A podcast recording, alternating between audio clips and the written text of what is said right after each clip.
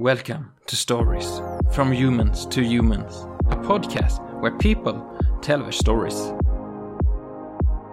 Idag ska ni få en berättelse om att växa upp med en mamma med psykiska problem till att själv till slut åka in och ut på psyket och efter detta träffa en man som psykiskt misshandlat henne.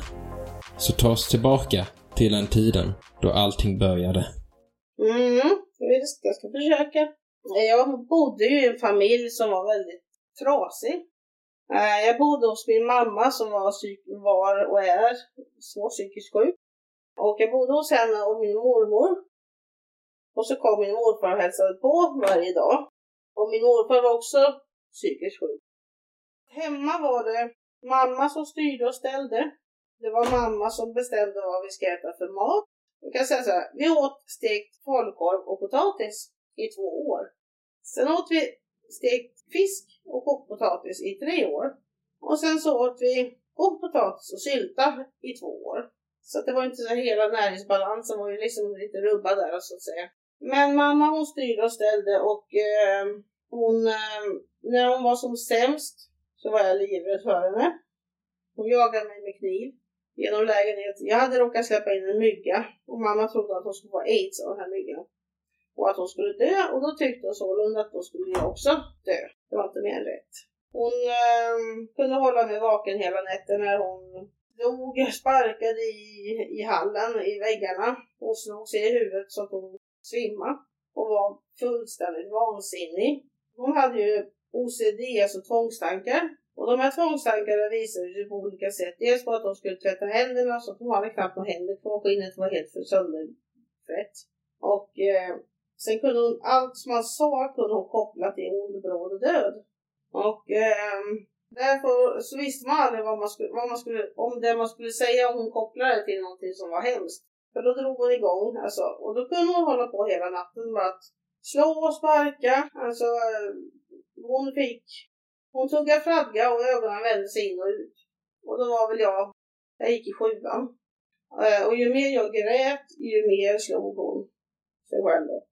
Och sen kunde hon bara, bara så uppväck så var det liksom vanliga mamma.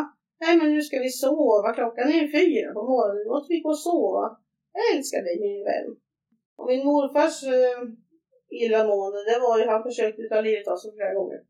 Så att, eh, ja, mormor var min mamma. Men hon valde ju sin dotter, kanske inte helt konstigt, före mig. Men, men ja, lite en familj som inte var riktigt som alla andra, kan man väl säga. Och um, i skolan hade jag ett helvete. För jag var alldeles för annorlunda. Jag hade ju ingen mamma och pappa som de sa på mina så kallade klasskompisar.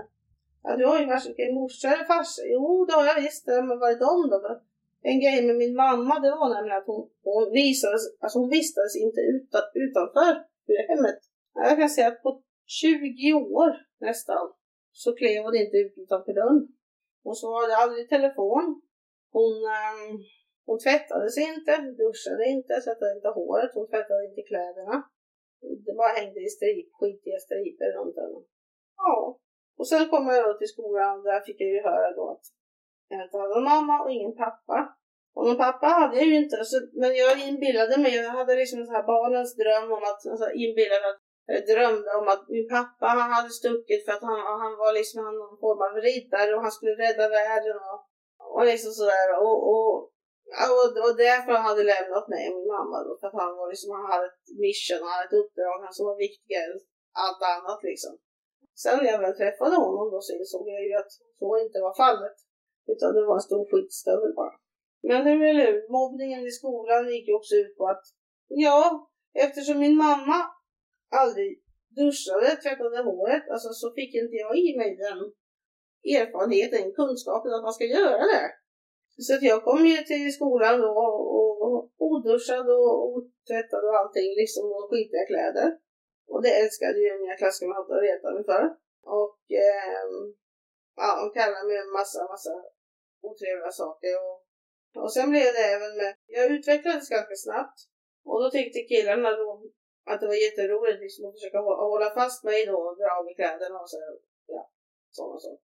Jag vantrivdes så i skolan att jag en period var hemma fyra månader från skolan. Men när jag väl kom tillbaks så var det ingen som sa någonting. De sa inte hej, vad kul att du kommer eller jaha, kommer du nu? Utan det var bara jaha, de var sätta sig i bänken och hänga med så var man kunde. Usch. Barn och ungdomar kan vara så fruktansvärt elaka. Grymma. Folk säger att barn är inte elaka. Barn föds- inte elaka, det är jag tveksam till. Jag tror visst att barn kan födas elaka. Jag är mer inne på spåret att eh, man eh, utvecklas efter sin omgivning på en viss plan. Men att det finns alltid två vägar att gå. Mm. Ja, men precis. Sen att eh, barn har väldigt lätt för att är ledda. ja, ledda och sen att eh, för att själva undvika risken Mm. så Precis. stöter de bort någon annan. Mm. Så det är en sån osäker period i Mm. deras liv. Mm. Mm. Mm. Framförallt när det börjar närma sig, när man börjar sexuellt utvecklas som Mm. människa. Mm. Precis. Jo, men absolut. Det är man på något sätt döda eller dödas. Hur eh, kan du berätta liksom hur kände du när de här barnen höll på mot dig på den tiden? Det var fruktansvärt. Det var fruktansvärt, fruktansvärt. Alltså jag var så ledsen. Jag var så jävla ledsen. Och så, alltså det var, det var, jag visste ju att det var ett helvete på skolan. Men sen när jag kom hem så var det ett helvete där också. Jag hade liksom ingen, ingen fri, ingen fri fredad zon. Eh, så. Men, men jag läste väldigt mycket när jag var liten. Och eh, det var väl min räddning, min smala räddning. Jag plöjde böcker som bara var hur, alltså. Eh, jag läste Brott och straff när jag gick i fyran. Jag älskade ju att läsa. Och eh, det var lärarna, lärarna på skolan var ju, ja, mina klasskamrater de skrek ju till mig att jag var, att jag var korkad och dum i huvudet, att jag hade liksom, jag kunde inte, eh, ha, ha liksom, hade dyslexi. Så att jag kunde inte stava då. Eh, så fick jag gå på någon, någon special, specialklass någon gång i veckan. Där man skulle öva på vissa saker då med- språket. Och där så fanns det då bok, bokhyllor man kunde få låna böcker. Och det var det enda roliga jag tyckte som var med den biten då, den delen av utbildningen. Så jag lånade ju hem en massa böcker. Och sen kom jag nästa gång med böckerna och sa, jaha, då vill jag låna fler böcker. Nej, men du måste väl läsa upp ur de böcker du lånar först, sa lärarinnan. Ja, men det har jag ju gjort, sa jag. Det kan du omöjligt ha gjort. Du får inte låna fler böcker förrän du har läst dem där. Okej. Jag lånade aldrig mina egna böcker där. Och min klassföreståndare i svenska på högstadiet, han trodde att min bänkkompis skrev mina uppsatser. Han trodde inte att jag var så bra på att skriva. Så att, eh, men jag fick en revansch, fick jag. En jävla härlig revansch. Och vi skulle göra i, jag var väl, jag gick i åttan. Och vi skulle göra en, man skulle få välja en bok och så skulle man göra en, en, en, en recension, en ganska så, stor recension, liksom olika punkter och så här. Och då valde jag Hitler en studietyrann, tyranni. Och den var väl på runt 900 sidor eller sånt där. Så gjorde jag den då och sen eh, så var det dags att få, få de här, eh, få, få tillbaks uppsatserna då. Så lämnade ju lä- lä- läraren då ett, ett, eh, ett betyg som man fick gå fram och så fick man sitt betyg där då. Och ja, det var ju liksom, fick ju det var någon som fick en fyra och många som fick treor så var det någon etta och någon tvåa också. Men min fanns inte med. Jag bara, mm, vad är min då? Ja, nu är vi klara, så det. Nej men just det, Caroline. Kom fram Caroline, jag höll på att glömma din. Tänkte jag så. Så kände jag, ska jag stå där framme nu och bli förödmjukad inför klassen? Som så många gånger innan. Så jag fram min föreläsning, eller min, min, ehm, min, arbete då. Och så säger han, jaha, Carro sa. Vad ska vi säga om det här? Jag vet inte, sa jag. Liksom så. Det här var ta mig fan det bästa jag har läst under hela mina 20 år som svenska lärare. Och jag, ah, jag svävade på moln. Det var så underbart att få höra det. Och att mina klasskamrater fick höra det. Det är så viktigt ju att, eh, som du fick där, att lärarna ser en. Ja, Och att- precis. När de vet att man har det så, Mm, mm. att hjälpa en lite. Ja, precis. Precis. Mm. Ja, verkligen. Vet av egen erfarenhet. Ja, okej. Mm. Jätteviktigt. Ja. Usch. Mm. Hur var resten av dina tonår och resan vidare? Ja, mina tonår var ju... Ja, jag var ju lugn. Jag fick ju inte göra någonting. Jag fick ju inte gå ut stort på stora stort liksom.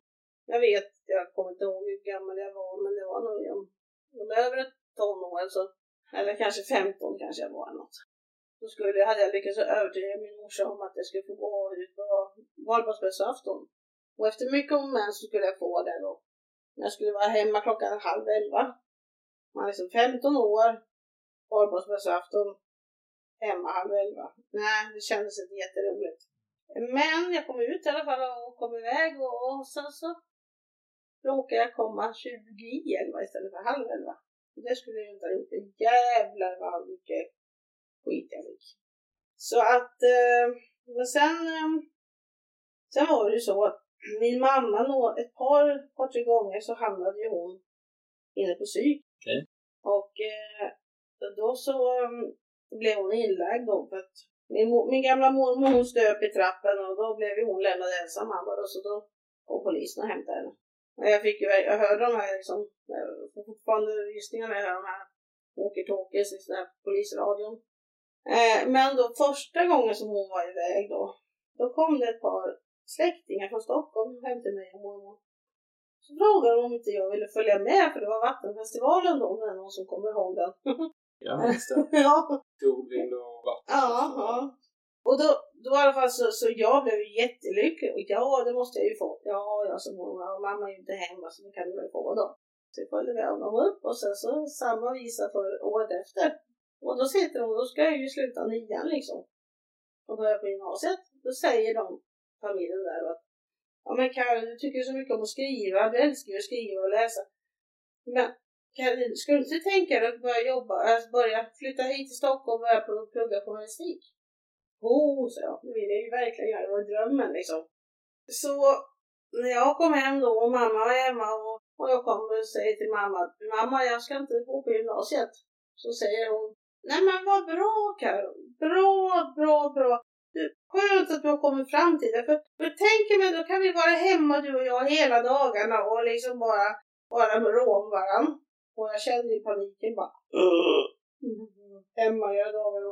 Nej mamma, jag ska åka till Stockholm och plugga. Och då var det som en rasande furie satt igång då. Hon blev fullständigt vansinnig. Så jag fick springa ner till min mormor som bodde några trappor längre ner. Och sen pratades det inte mer om det utan mamma tyckte då var det, då var det liksom det var utagerat. Men eh, en dag så kom eh, socialen, en kurator och en eh, socialsekreterare som jag haft kontakt med förut. Och de tog mig till tåget, klev på tåget till Stockholm med mig. Och vi åkte, jag rymde med deras goda omdöme. Och det var ju inte lätt kan jag säga att komma tillbaks. en sak som var, mm, som var också när jag var liten, det här med att jag fick ju aldrig ta hem någon. Eh, och jag hade ju inte jag hade en väninna, eller en vän då, barn, barn, när jag var liten. Och hennes föräldrar var från Kroatien, väldigt stränga. Eh, och de tyckte att jag var ju inget passande för, hennes, för deras dotter liksom att umgås med. Men vi hittade varandra, vi var liksom lite, ja, udda fåglar både hon och jag. Men vi kunde ju aldrig vara uppe hos mig. Utan jag vet så många gånger som vi satt ner i trappuppgången och åt pizza. Att jag fick inte, jag fick inte ta med någon hem. Men så hamnade jag i Stockholm i alla fall. Måste ha varit eh, en befrielse och kanske spännande och läskigt på samma gång. Mm.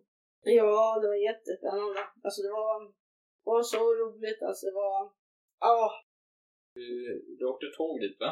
Mm. Mm. Kan du fylla i, hur var det att sitta på det där tåget? Herregud, hur var det? Ja, så det var väl, eh, alltså det kändes väl ungefär i magen som jag hade druckit tre champagneflaskor. Det bara bubblade och pirrade och, och sprätte. Så att eh, samtidigt som jag var jätterädd för hur ska det bli när jag kommer tillbaks. Men så bara, nej, jag var, jag var överlycklig. Jag var överlycklig att få komma därifrån. Så, eh, nej, så jag satt nog bara och, och kvittrade på tåget tror jag. Och sen när man kom av då där vid centralen där man ser alla människor, man bara Åh, oh, shit liksom. Hur, eh, vad var händelseförloppet från du klev av tåget tills, ja, vad som än hände där? Klev av tåget och satte oss på en bänk och tittade på alla människor.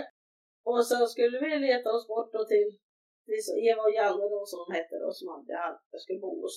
Eh, och de kom och mötte upp och visade liksom så att vi åkte ut. Vi åkte bort till deras, där jag skulle bo då. Och eh, ja, konstigt nog kommer jag inte ihåg så jättemycket av det. Men jag kommer ihåg bara det här bubblande, fräsande. Mm, var liksom håret reste sig på skallen och häftigt. Mm. Så att, eh, ja. Men och så började jag ju plugga journalistik. Och hur var det? Det var jättebra. Det var jätteroligt. Ehm, och ehm, ja, jag älskar ju att skriva så det var fantastiskt. Var det. Och bra lärare och allting. Ja, men det, var, det var jätteroligt. Var det. Ehm, och sen ehm, bestämde jag mig för att jag skulle gå folkhögskola då istället för gymnasium. Så då hittade jag en folkhögskola som hade medieinriktning då, så då hängde jag på den biten. Och sen i samma veva då som jag började på folkhögskolan så träffade jag min första kille då. Fantastiskt. Mm. Det är ju förunnat att ens kunna prata om kärlek så. Men när man kommer ifrån den här bakgrunden som du gör Mm. och du hittar någon som gillar dig, Mm. hur var det? Ja, det var ju, ja. Det var ju, det var ju som en saga. Alltså det var ju, jag kände mig ju som liksom, eh, ja, någon av de här prinsessorna liksom som, jag menar han kunde göra, alltså han gjorde saker som han, alltså, jag menar han älskade att gå i affärer och prova kläder med mig.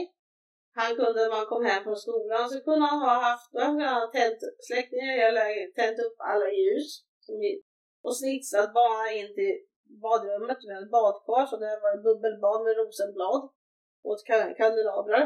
Så att det var helt fantastiskt var det. Det enda, enda smolket just då i den vägen det var svärföräldrarna. För de tyckte inte om mig. Eh, Men ehm, Svärföräldrar är alltid lite krångligt i början. ja, ja. Det, de var ju väldigt inbitna i nykterister. Och jag var inte inbiten nykterist. Men det tyckte de att jag skulle bli och jag ville inte förändra mig. Men sen så började jag må dåligt och då, när jag väl hade fått det så bra. Så vad hände från att du mådde så bra med killen och Hunden och bilen och allting. Ja. ja, vad hände med däremellan för att du Mm. skulle komma till här nedbrottet? Mm. Nej men det var att eh, jag började få fruktansvärt mycket ångest. Och um, kunde liksom inte...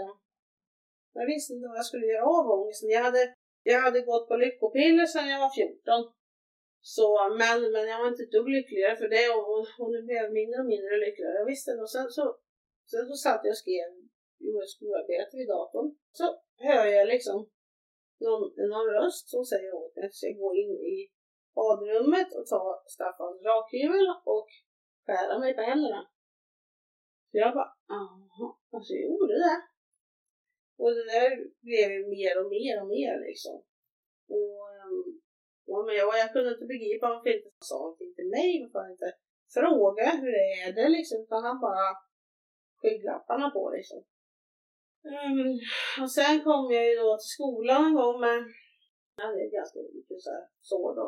Och sen kom läraren och gick runt och såg hon i mina armar och och då drog jag ner snabbt som fan. Så hon sa, kan du stanna efter, efter klassen? Ja, nu ska jag stanna. Och hon sa, hur mår du egentligen? Alltså, vad, vad, är det som händer? Vad har du gjort på armarna? Äh, det, var, det är ingen fara. Det blev bara lite äh, sådär. Det är ingen fara med mig. Sen hade ju jag tillgång till mycket benzo, alltså tabletter, medicin, eh, från min mamma.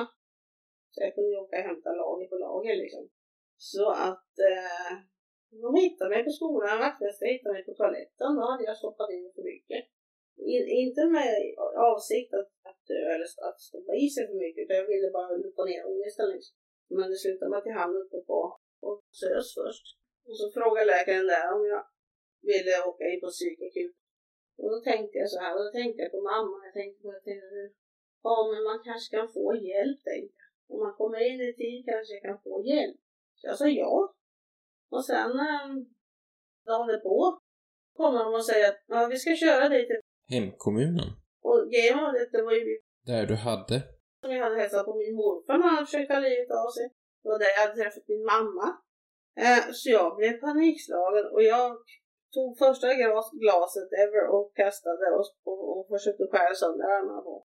Men de kom ju och de satte fast mig i bilen liksom. Några, ja, remmar då så att eh, dess fick jag sitta då tills 13 mil köp till Västerås. Då. Och sen, eh, ja, så körde de mig på en pirra, på en vagn. Med, och satt jag där med remmar också som kör in på sjukhuset. Det var ingen rolig erfarenhet. Jag tycker det är så sjukt hur, när de ser din reaktion när de säger vart du ska, att de inte frågeställer hmm, det här kanske inte är bra. Nej, precis, precis. Det är jätteknäppt. Det är jätteknäppt. Det är liksom så obvious att Mm, mm. det här, det är någonting som triggar det här ännu Ja, mer. ja, ja, precis. precis. Vi kanske ska prata med kommunen där för att få tillstånd om att ha henne här. Mm, precis, precis. Mm. Det var min början på en lång bana inom psykiatrin. Vad... Ja, du får fortsätta vad som Ja. hände.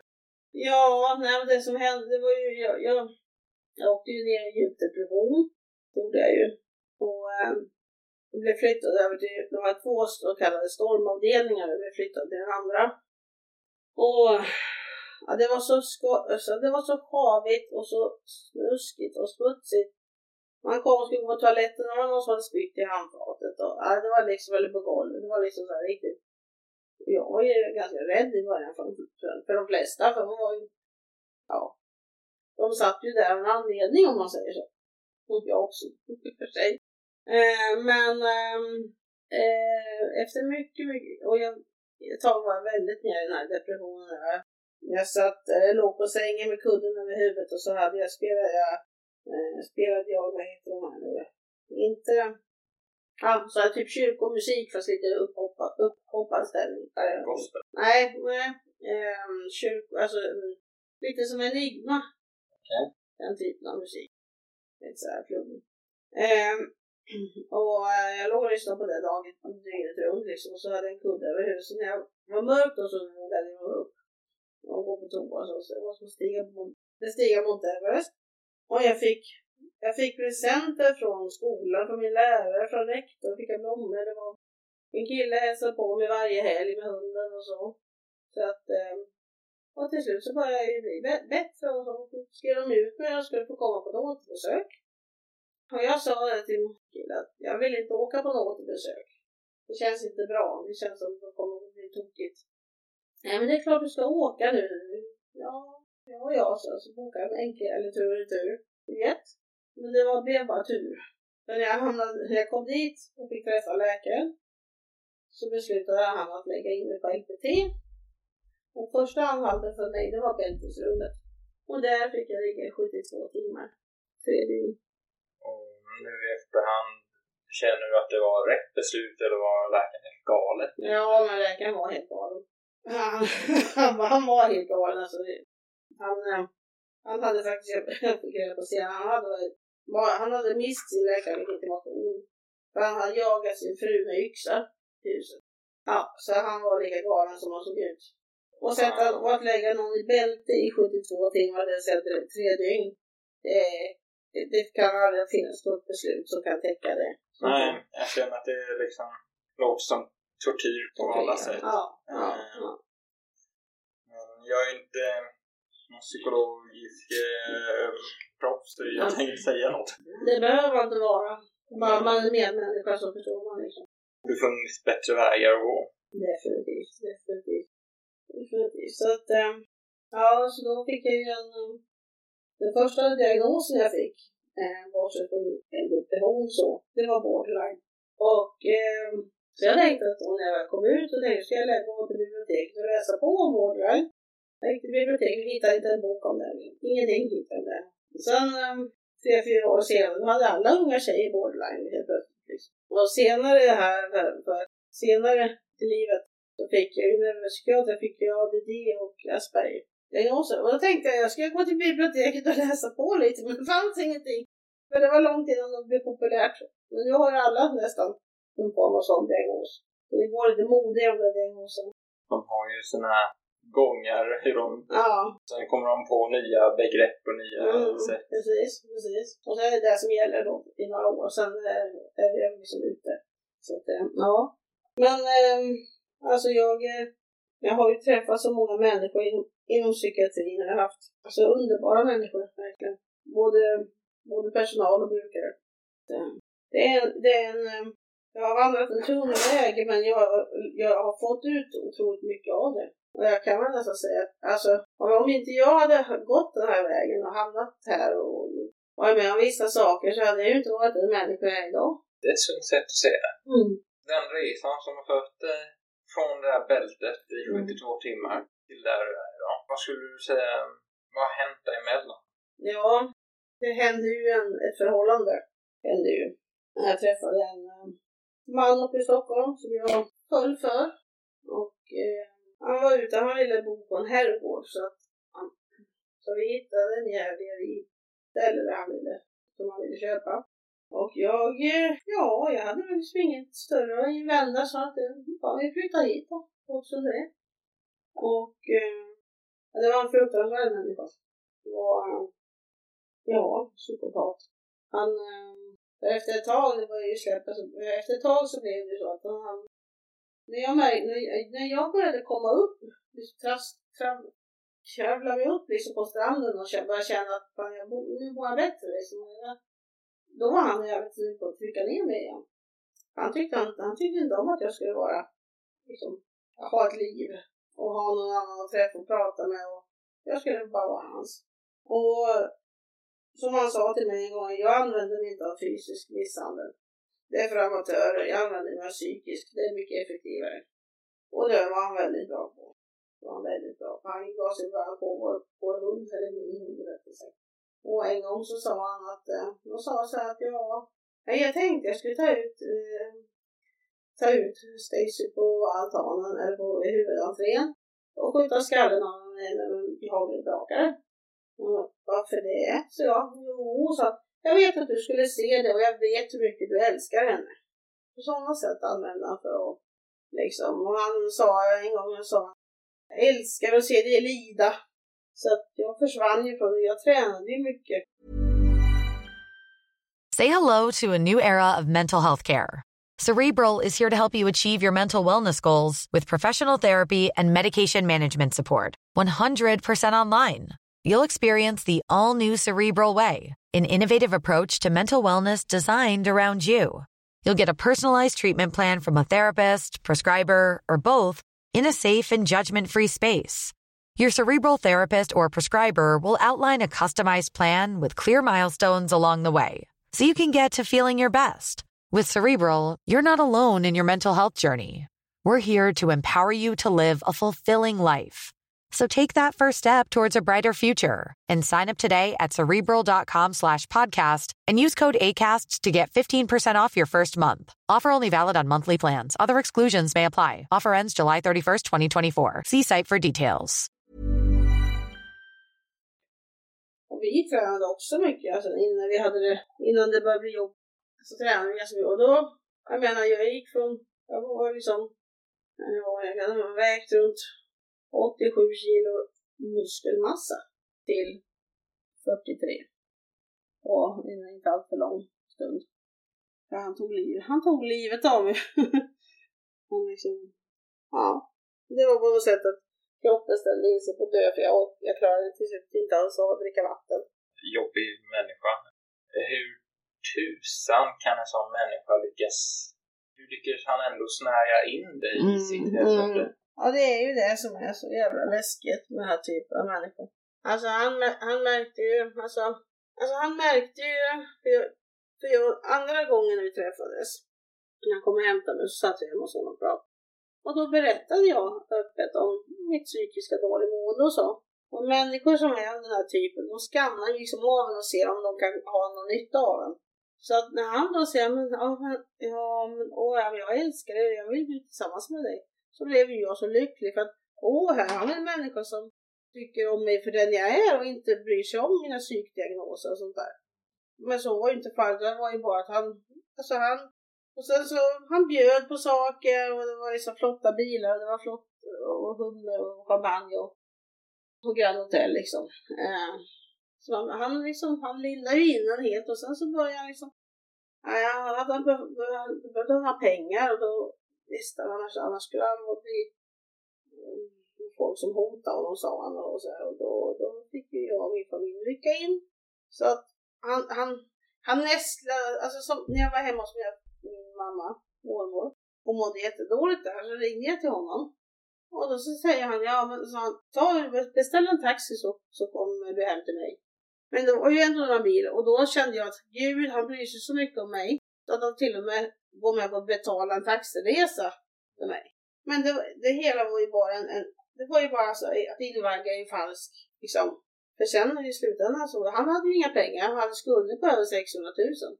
Privata skulder. Men eh, ja, de gör det ju så fint. De gör det ju så fint. Och jag var på psyket och så var han där och pratade med personalen och alla tyckte att han var så underbar och han Ja, att han orkade tog hand om mig och så. Men det var ju egentligen tvärtom. Det är svårt. Man har, man har ett underläge när man har känt den många år inom psykiatrin alltså, så tror de inte på en. Och i början ville jag väl inte tro på det själv heller liksom. Vi var förlovad i fem år. Tills jag lyckades få med mig hunden och sticka. Att sticka därifrån måste vara en sådan befrielse för dig. Jag kan inte ens föreställa mig det. Mm.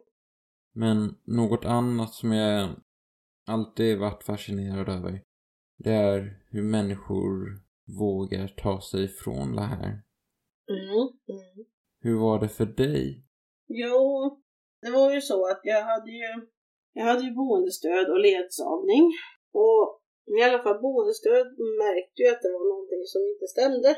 Så jag fick ju lite så här feedback och liksom jag fick ett telefonnummer till kvinnojouren. Och det la jag i min plånbok och kände det kändes liksom som en liten trygghet. Jag visste att händer det något så har jag nummer kan ringa. Och sen kommer det en helgonahelg och han får ett vansinnesutbrott. Så att jag tar hunden och springer därifrån, liksom kastar mig ut och springer därifrån. Och Ville hade jag också nära för att ringa. Så jag springer en bit och så, så ja, stannar jag till och jag sätter mig, jag sätter mig i en förfrusen leråker och tänker ska jag ringa till kvinnojouren. Ringer. Ja, vår telefon är bemannad mellan 22.00 och 06.00. Klockan var 19.00. Så vad skulle jag göra? Så jag funderade på det här så till slut att jag lägger mig i den jävla Hon Och ju stelfrusen så det, blev jag också snart och hunden också. Lyckades jag få tag på en, eh, en kontaktperson eh, och berätta lite snabbt vad det var som det handlade om. Hon sa då skickar jag polisen och hämtar dig. Då var det att jag hade knappt batteri kvar i mobilen. Och jag hade stage då min hund. Och jag låg där och tänkte, jag väntar på polisen. Tänkte jag sen, jag, hade ju så, jag var ju så stelfrusen så jag hade så ont så jag kunde ju knappt hålla hunden. Då tänkte jag så här, men tänk om polisen nu kommer då? Och så kommer de ut och då ska Stacy vakta mig liksom. Och jag kan, är så stelfrusen så jag kan inte hålla kopplet och flyger hon på dem eller alltså de tror att hon flyger på en pitbullterrier. Så därför finns det, det finns gott om, alltså, det finns gott om folk som inte tycker om de hundarna. Ah, skulle hon då liksom komma fram då och jag inte kunde hålla så skulle de kanske skjuta henne. Eller vad ännu värre var att de tog, de ta henne och ge henne till idioten som han var tillsammans med. Och då skulle han ta livet av mig. Liksom. Så jag fick eh, helt enkelt resa mig från åken där och ta stage och gå hem. Men det var, det var um, första gången jag försökte. Sen eh, sista gången då, det var, mm, det var en påskhelg. Och eh, min kille då, en kompis till honom, satt och tittade på sina ja, äh, sjukfilmer. Och satt, min kille älskar att titta på sådana alltså Mannen på taket. De är riktigt, alltså, alltså de har sådana filmer som liksom Skånska mord älskar han att titta på, för då var det en som slog en yxa i huvudet på en annan. Alltså sådana saker, sådana liksom scener kunde han sitta och spela om och om och om igen liksom. Så de satt och tittade på det då. Och så kommer han ut och säger någonting och då säger jag väl emot. Så då börjar han gapa och gasta på mig och jag springer upp på sovrummet när han kommer efter. Och så säger han, ja, säger han, ja, du vet i natt kommer jag att gå upp och så kommer jag gå ut och hänga mig i trädet som står utanför den stora eken. Och där kommer byborna hitta mig hängande och då kommer de alla förstå att det är du som har drivit mig till det. Fast varför vänta till idag? Eller vänta till natt när jag kan göra det nu? Och Så plockar han fram en stor stilett man haft på ryggen. Han samlade på knivar. Det var så, det blev en halv meter eller något när han snäppte ut den liksom. För jag typ sätter ju den bara här och så, så isar han och, och, så, och trycker till det och så, så pumpar blodet nu så är jag död. Och um, så skulle han liksom, på, på ett, ett eller annat sätt, jag vill han tappa fokus på mig. Och jag lyckades ta mig ut i hallen. Och han drog in mig igen och satte sig på mig och så här. Men då kommer kompisen och undrar vad fan han håller på med. Så då får jag rusa ner för trapporna. Grabbar hunden väskan då ut. Och eh, då ringer jag polisen. Och de säger, jaha vad ska vi göra åt det då? Du får göra en anmälan om du vill men det är det enda vi kan. Vi kan inte göra någonting. Ja men jag vågar inte göra en anmälan sa jag. Nej, nej, nej men då, då, då har ju bara två val. Anmälan eller Ja, så menar så frågar jag polisen. Menar du att jag har två alternativ? Det ena är att sitta kvar här, jag sitter förmodligen frysa ihjäl. Eller att jag ska gå tillbaka in i huset där han förmodligen kommer ha ihjäl mig en eller annan dag. Ja, det är de alternativen du har, sa polisen. Jaha, tack så jag. Då sitter jag kvar här och fryser ihjäl. Då ringde jag kvinnojouren. Ja, har han misshandlat dig? Nej, inte slagit dig fysiskt. Ja, men då så, då är det väl ingen fara. Det var liksom hjälpen jag fick när jag liksom så att eh, jag har inga större, jag har inga höga tankar om, i alla fall inte om kvinnor. Det är precis så som man sa till dig att eh, den psykiska misshandeln Mm, är ju betydligt värre mm, än mm, fysiska. mm, ja, Tack vare att de sår man får inombords kan ta årtionden att Mm, läka. mm, precis. Och när man säger läka så är det inte ens läka helt utan det är, man lär sig att leva med det Mm. lite bättre Mm. varje dag. Ja, precis. Men eh, de fysiska misshandel, det läker oftast eh, så man inte behöver tänka på det. Mm, precis. Även att det kan påfresta psyket det med, så Mm. är ord oftast betydligt värre. Ja, det är det. är det. Det, det som har tagit flera år att bygga upp, det kan rivas ner på ett par minuter. Den värsta biten är ju dock att har ju förståelse för polisen och alla de här också för att ord, det är så svårt att bevisa. Mm. Så länge man inte liksom har det inspelat. Mm, ja men precis. Och i precis. dagens samhälle så går inte ens det längre. Nej, nej, precis. Det kan vara någon som har en, använt sig av din röstvåg. Ja, ja, ja. Ja, precis. Men sen senare då, han försökte ju, han försökte ju ha, hålla kontakten. Och jag försökte ju bara kämpa emot att inte träffa honom. Eh, men sen kom det då en, en kväll när han, han tog stryptag på mig in i ett cykelförråd. Och sa att han skulle ta, hem med mig, ta med mig till sp- spindelkällaren och, eh, spindelkällaren och skjuta huvudet av eh, Och då fick jag skyddad identitet. Vad hände då när du satt och frös? Ja, och då kom hans kompis och letade efter mig. Och han sa att ja men nu får Carro fan fryser ju ihjäl du måste komma in, ta med, följ med mig in snälla. Nej, så jag. Kommer aldrig mer att sätta min fot där inne, aldrig. Så det slutade med att han eh, frågade om det var okej att han ringde för sjukresa åt mig. Så jag hamnade på psyk. Igen. Mm, igen. Och där fick jag ju liksom möjlighet att läka, lägga plåster på de allra värsta såren i alla fall. Innan jag kunde ta itu med allt som skulle vara, alltså bodelning och allting som, som Men ehm, efter bodelning, stryptag, vad gjorde du med livet då? Jag menar, mm. du har ju tagit det vidare. Ja, mm, då fastnade jag i annat skit. då fastnade jag i, eh, i droger. Jag gick ju med mycket, ganska mycket medicin, så psykmediciner, för att kunna hålla ihop. Och så, så jag blev ju tablettmissbrukare, som sedan övergick till amfetamin. Och sen så hade jag en som jag trodde var min vän, men det visade sig att så var inte fallet. Han, eh, en till, vid ett tillfälle när jag var väldigt, jag hade tagit mycket, för mycket av en speciell medicin så jag var väldigt konstig i skallen. Jag hade ingen begreppsbesvär, så då kommer han och min vän där och säger att ja men kom med hem till mig för jag har bra grejer så du, så du pignar till. Ja, sa jag. Ja, men det låter väl bra det då. Så bara, hem till honom eh, och så bara Ja fast du vet jag, om jag ger dig en spruta då går det ut fortare. Ja, ja visst, ja, det är skitbra. För jag var ju så borta i skallen så jag fattar ju ingenting. Eh, men i alla fall så han sätter i, skjuter i min spruta och jag säger vad fan är det här du ger mig för någonting? Är det heroin? Vad är det? Nej, nej, nej, nej, så det är vanligt amfetamin. Nej, kan det inte vara. Så jag frågade honom flera, flera gånger och han sa att det bara var vanligt amfetamin. Men sen till slut så erkände han att det var metamfetamin. Och han hade skjutit i mig, han hade skjutit i mig det för att han ville ha sex. Tar man metamfetamin så blir man ju ganska liksom helt levrad. Så det var därför han hade stoppat i mig det. Och hur reagerar du på detta? Ja, menar du på vad det han gjorde eller på själva, själva metamfetaminet? Båda? Både och, ja. Alltså metamfetamin, det var ju, det kände jag ju var en, det var ju en, en alltså man, då gick man ju på slak lina med djävulen bakom sig. För att det känd, varje, varje rus kände man ju, för, man kände att döden var i nacken och på. Liksom. Så det var ju det som han sa då när han väl erkände att, och för då frågade jag vad skillnaden på vanligt amfetamin och metamfetamin då? Ja, metamfetamin kan dö. Mm. Okej. Okay. Mm. Så att man, um, och jag kände och jag skämdes så in i helvete. För jag skämdes inför alla andra och jag skämdes mest inför mig själv. För fan skulle jag säga att jag var sprutnarkoman nu också. Så, men sen var det lite lyckliga omständigheter som gjorde att, att han hamnade bakom lås och bom ett tag och jag fick en förfrågan från en vän som är distriktsordförande på RSMH eh, om jag ville komma och bo hos honom hans företag och komma ifrån värsta liksom, skiten. Så då flyttade jag dit, bodde hos dem i tre månader så skaffade jag en lägenhet. Är av med. Jag vet inte hur långt fram vi är i berättelsen nu. Hur, vad ska du säga? Mm. Vilket år är vi på nu? Jag, flytt, jag bor ju på ett serviceboende ett LSS-boende.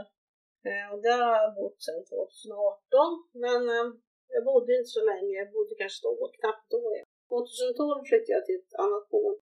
Så runt där, runt 2011-2012. Vi har en, eh, fortfarande en lång resa framför oss. Dock lite lugnare, tack och lov. Det, det gick väl inte helt smärtfritt det heller. Det var, nej, det, det, jag blev, ganska, jag blev ganska skadad på det behandlingshem, Eller det var inget behandlingshem, utan det var ett boende. Jag blev ganska skadad av det. För att eh, det hände saker runt omkring som jag... Det var mycket droger och skit runt omkring. Och jag fick ingen hjälp, i stort sett ingen hjälp av personalen att ta mig därifrån. För jag var ju livrädd, jag skulle fastna igen. Jag menar, om man suttit med ett metamfetaminmissbruk och lyckas ta sig ur det, det är ju inte det optimala att ha dem som grannar som, som Nej.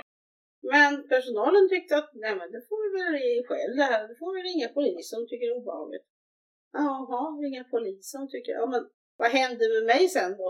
När polisen har åkt? Alltså, så att nej det var det var några hårda år där var det. Men tack och lov så lyckades jag kämpa så att jag fick komma till det stället jag bor på nu då. Var det en hård eh, kamp för att få flytta? Eller? Mm, det var det. Alltså, det var det, var det för att eh, jag fick ingen hjälp liksom, att söka. Eh, jag försökte ju, jag hade ju flera möten med både läkare och personal och kontaktpersoner och så. Men eh, det var verkligen så, jag vill flytta, jag måste flytta härifrån, jag kan inte vara kvar här. Men det var liksom ingen som hjälpte mig. Det var liksom ingen som, som tog tag i utan min god man och hon sa att ja, det, men det tar den tid det tar, man kan inte skynda på processen. Ja men herregud, så. Det är väl klart man kan. Man får ju ligga på och stöta på liksom. Att man, nej men de har inga lägenheter. Har de lägenheter ledigt så får du en. Man kan inte skynda på det hela. Nej, man kan inte skynda på det hela. Nej, okej. Okay. Tänkte så här, ja, mm, för det här boendet då som jag bor på nu, som jag var intresserad av att komma till. Jag kände till ganska mycket om det boendet. Och det låg, jag hade en väninna som bodde alldeles bredvid istället. Så att en gång jag kom från bussen och skulle gå bort till min väninna så står det en kvinna ser du, står utanför huset och röker. Och jag tänker, hon ser ut som en kommunalkvinna. Ja, hon kan vara intressant. Jag stövlar ner fram till henne och en vilt främmande människa. Och så säger jag, ja, ursäkta, vet du vem, ja, hon är hon är. Då såg jag på henne så att jag, att jag träffat rätt, pratat med rätt person. Jag bara, det handlar inte om henne, det handlar om mig för jag vill ha telefonnummer till chefen så att jag får kunna flytta hit. Då fick jag det och så ringde jag chefen och så tog det väl ett par tre veckor. Så att, eh, men eh, det var ju bara egen styrka. Men en viss djävulskap som gjorde att jag fick, för någon annan hjälp fick jag inte. Och hur ska man ha, efter sånt här liv och ha den orken och Mm. kraften Mm. att ta tag i det? Ja, precis. precis. Det är sinnessjukt. Mm. Ja, det är det verkligen. Det håller jag med om. Det är inget... eh, Det är alldeles för mycket pappersvändare. Ja, det är det. Absolut. De kanske i början kommer från något gott, att de vill hjälpa och allting. Ibland önskar man bara att de kommer ihåg att tänka outside the box. Mm. Ja, precis. Mm. Nej, det... Jag fick ingen hjälp med flytten, alltså själva flytten fick jag inte heller någon hjälp med, så det var... Men till slut så... Vad skönt. Mm. Nu har du bott där sedan 2018 sa du? Ja, precis. Mm. Och sen nu sista så här åren så har det börjat hända lite saker för dig. Jag vet ju om volontärjobb Mm. och lite utbildning. Precis. Har du Precis. lust att fylla i? Ja, absolut, absolut. Jag kan ju börja med den utbildning då som jag har gått. Eh, och eh, det är, eh, det är ett projekt då som är finansierat av Europeiska socialfonden för att hitta metoder för personer som står långt bak, från långt från arbetsmarknaden och hjälpa dem att komma närmare arbete, praktik eller utbildning. I ett delprojekt som vänder sig till personer med någon form av funktionsnedsättning. Och nu så är vi 15 stycken utbildade föreläsare som vill jobba för en större tillgäng- tillgänglighet och ökad insikt och förståelse. Det är någonting som är jätte, jättegivande och har varit jättekul. Jag har varit ute förut och föreläst på ett, en, em, ett, eh, en organisation som heter Brobyggarna. Eh, Men nu är det det här som gäller. Så det, det, det är jätteroligt. Och sen är det så att jag har Innan du fortsätter därifrån. Ja. Vad är det du får lära dig på den här utbildningen? Och det är retorik, alltså alla former av retorik, allt från historia, när retorikens historia, eh, Platon och allt det där liksom. Och sen är det ju hur man, ja, hur man liksom på olika sätt, hur man liksom ska, ja men man ska ha en föreläsning, hur ska man, vad ska man tänka på då liksom, vad ska man tänka på? Eller hur ska man lägga upp det? Retorik från grunden kan man väl säga. Väldigt viktigt i dagens samhälle med, med tanke på de här dumburkarna vi har i fickan. Ja, precis. precis. Att, eh, kan ni föreläsa att ni får lära er eh, det här med hur man ska lägga upp det. För idag så måste man verkligen ge mycket dopamin och andra känslor Ja. eh, ämnen Absolut. väldigt regelbundet. Ja. Annars Mm. så tappar du Ja, ja. Mm. lyssnaren eller Mm. Mm. Då bränner mobilen Ja, starkare. ja, precis, precis. Så sant, så sant. Absolut, absolut. Så att, eh, mm. Jättebra och jag tycker det är jättefint att det finns en sån här organisation då. Mm. Eh, hoppas att det kanske sprider sig till hela Sverige. Mm. Det får vi Att, hoppas, eh, absolut. För det finns folk där ute som har berättelser. Och, Mm. Mm. eller sagt, alla har berättelser. Det är det jag är ute efter. Ja, Jag är precis. ute efter de lyckliga berättelserna med. Ja, ja, absolut. Eh, det är jättebra att det finns. Mm. Det är det. Det är det. Det är det verkligen. För det finns så många som behöver höra. Ja. Jag var faktiskt på föreläste på för i en skola, högstadieklass. Och eh, jag var jättenervös för jag var liksom orolig för att alltså, föreläsa för skolklass. Och lite av min, min gamla, mitt gamla mobbnings, alltså dök upp i huvudet liksom. Men jag hade föreläsningen i alla fall och sen så går jag och min sidekick och skulle gå och käka i matsalen och så kommer det fram en kille och så Får jag fråga, får jag säga en sak? Ja, sa vi så det. Jo, sa han. Jag tänker så här för att nu när du berättade om att din mamma har blivit bättre med ny medicin, då kanske min mamma också kan bli bättre. Och det kände jag liksom som, jag fick sån storpäls alltså. Det var så starkt. För det var ju, alltså jag, med min föreläsning så hade jag gett honom hopp. Ett hopp om att min mamma också kanske kan också bli bra. Det är det absolut finaste, finaste det, alltså, jag fått i min föreläsningsväg. Alltså, det, är- jag, men, jag vet ju själv när jag var liten och, hade, och satt i skolan i den situationen så hade ju jag, det hade ju varit så bra om någon hade kommit och sagt till mig det finns, det finns utvägar, det finns, det, det behöver inte gå åt helvete utan jag har klarat det liksom. Fantastiskt att du redan har fått känna att du, du kan sprida hopp Mm. och lycka till andra. Mm, mm. Sen har du ju lite annat du sysslar med också. Precis. Jag är på Stadsmissionen. Eh, och eh, vi är där ett par, ett par dagar i veckan, onsdagar och fredagar. Eh, och ehm, jag har ju varit på, jag har ju fått mycket hjälp av Stadsmissionen. På matkasse. Jag har fått hjälp att söka fonder. Ehm, och ehm, ja, all möjlig hjälp från underbara människorna där.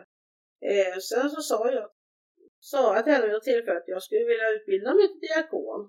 Jag är intresserad både av teologi och, och hjälpa människor. Men då kom vi fram till, att ja, det skulle ta för lång tid. Jag har ju bara gymnasieutbildning liksom. Så jag skulle vara färdigutbildad diakon när jag var färdig i pension liksom. Men då sa hon så här, kan du tänka dig att jobba hos oss då?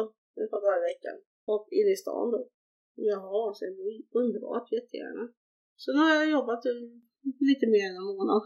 Och det känns jätte, jättebra. För de som inte vet då där ute, vad är syftet med Stadsmissionen? Vad är det de gör? Ja, alltså de, de hjälper ju människor som har på olika sätt hamnat på glid. Um, som blivit hemlösa, som har drogproblem eller ja, eller var, alltså vanliga som liksom har fallit mellan stolarna. Så stöttar de och, och erbjuder. Man kan till exempel få tvätta där borta hos dem. Tvätta kläder och man kan få duscha och få sätta på sig nytvättade kläder. Man kan få lite mat med sig hem och, och sådär. Och framförallt man kan vara där och träffa andra och ja, bli tagna på allvar. Vi behandlar som riktiga människor. Och sen så är det ju att de har second hand. Mm. Största second hand. Mm, mm, det stämmer. Ja. Det är därifrån jag antar de får pengarna till att kunna hjälpa alla dessa. Mm. Det, det låter ju logiskt. För jag vet inte det exakta, men, men det låter ju väldigt... Jag, det låter väldigt jag antar att det är så. Ja, jag vet ja. inte. Nej. Så, men jag skulle vilja utmana i alla fall då alla som lyssnar att vill ni hjälpa folk kanske där ute Mm. kan det vara bra att söka er till Stadsmissionen. Ja, precis. Verkligen, verkligen. En bra second hand att Mm. gå till. Ja, Och jag tror det- Stadsmissionen finns lite överallt i hela Sverige. Mm, de har ju nästan varje, varje stad tror jag nästan. Mm. Mm. Nej men det kan jag verkligen rekommendera. Alltså, vet du det, second handen är jättefin, helt fantastisk. De har ju fik där man kan sitta, man kan köpa en räkmacka för 45 spänn ungefär. Jämfört med om man går på en restaurang så kostar det 100 kronor liksom. Så att, eh, nej jag kan rekommendera båda delarna för de har, man kan käka frukost uppe på eh, missionen i, i stan mellan 7 och 11. Det kostar, jag tror det kostar 10 kronor. Man, man kan få skriva upp sig också. Eh, och komma in i värmen och få eh, liksom gröt. Ja, de bjuder på yoghurt. Alltså en riktig frukost och så kan man sitta och prata med andra. Och, ja. Innan vi avslutar här nu Mm. skulle jag vilja ha vad dina tips är till eh, folk där ute. Mm. Både de som går igenom allt från det jobbiga hemmet, Mm. eh, mobbningen, Mm. eh, den psykiska och kanske sexuella misshandeln i hemmet. Och sen, eh, vad skulle du vilja ge tips för de som är i de situationerna? Mm. Och till omgivningen som kanske ser det här. Mm. Mm. Vad skulle du vilja säga till dem? Om, om, omgivningen, jag önskar alltså släpp inte taget. Släpp inte för guds skull inte taget. Visa att du finns där. Tänker på, jag tänker framförallt nu tänker jag på när det gäller att vara ett, ett destruktivt förhållande. Så är det liksom släpp inte taget om dina anhöriga liksom. Um, var på liksom och säga att ja men jag vill göra det och det eller ska vi göra någonting eller och, och, och så fortsätt vi, visa att du finns där. För det värsta som, händer, det värsta som kan hända det är att man blir bortglömd. För då, jag lyckades lämna tack vare min hund. Hade jag inte haft henne hade jag inte, jag, jag, hade, jag, jag, som, jag som kvinna, eller jag själv, hade, jag hade inget värde.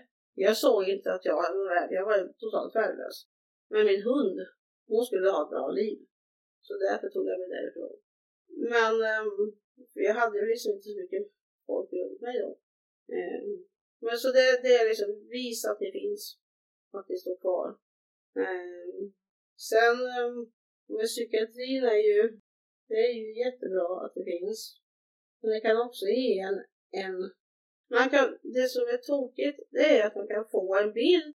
Jag kan få en bild av mig själv som psykiskt sjuk som inte klarar någonting.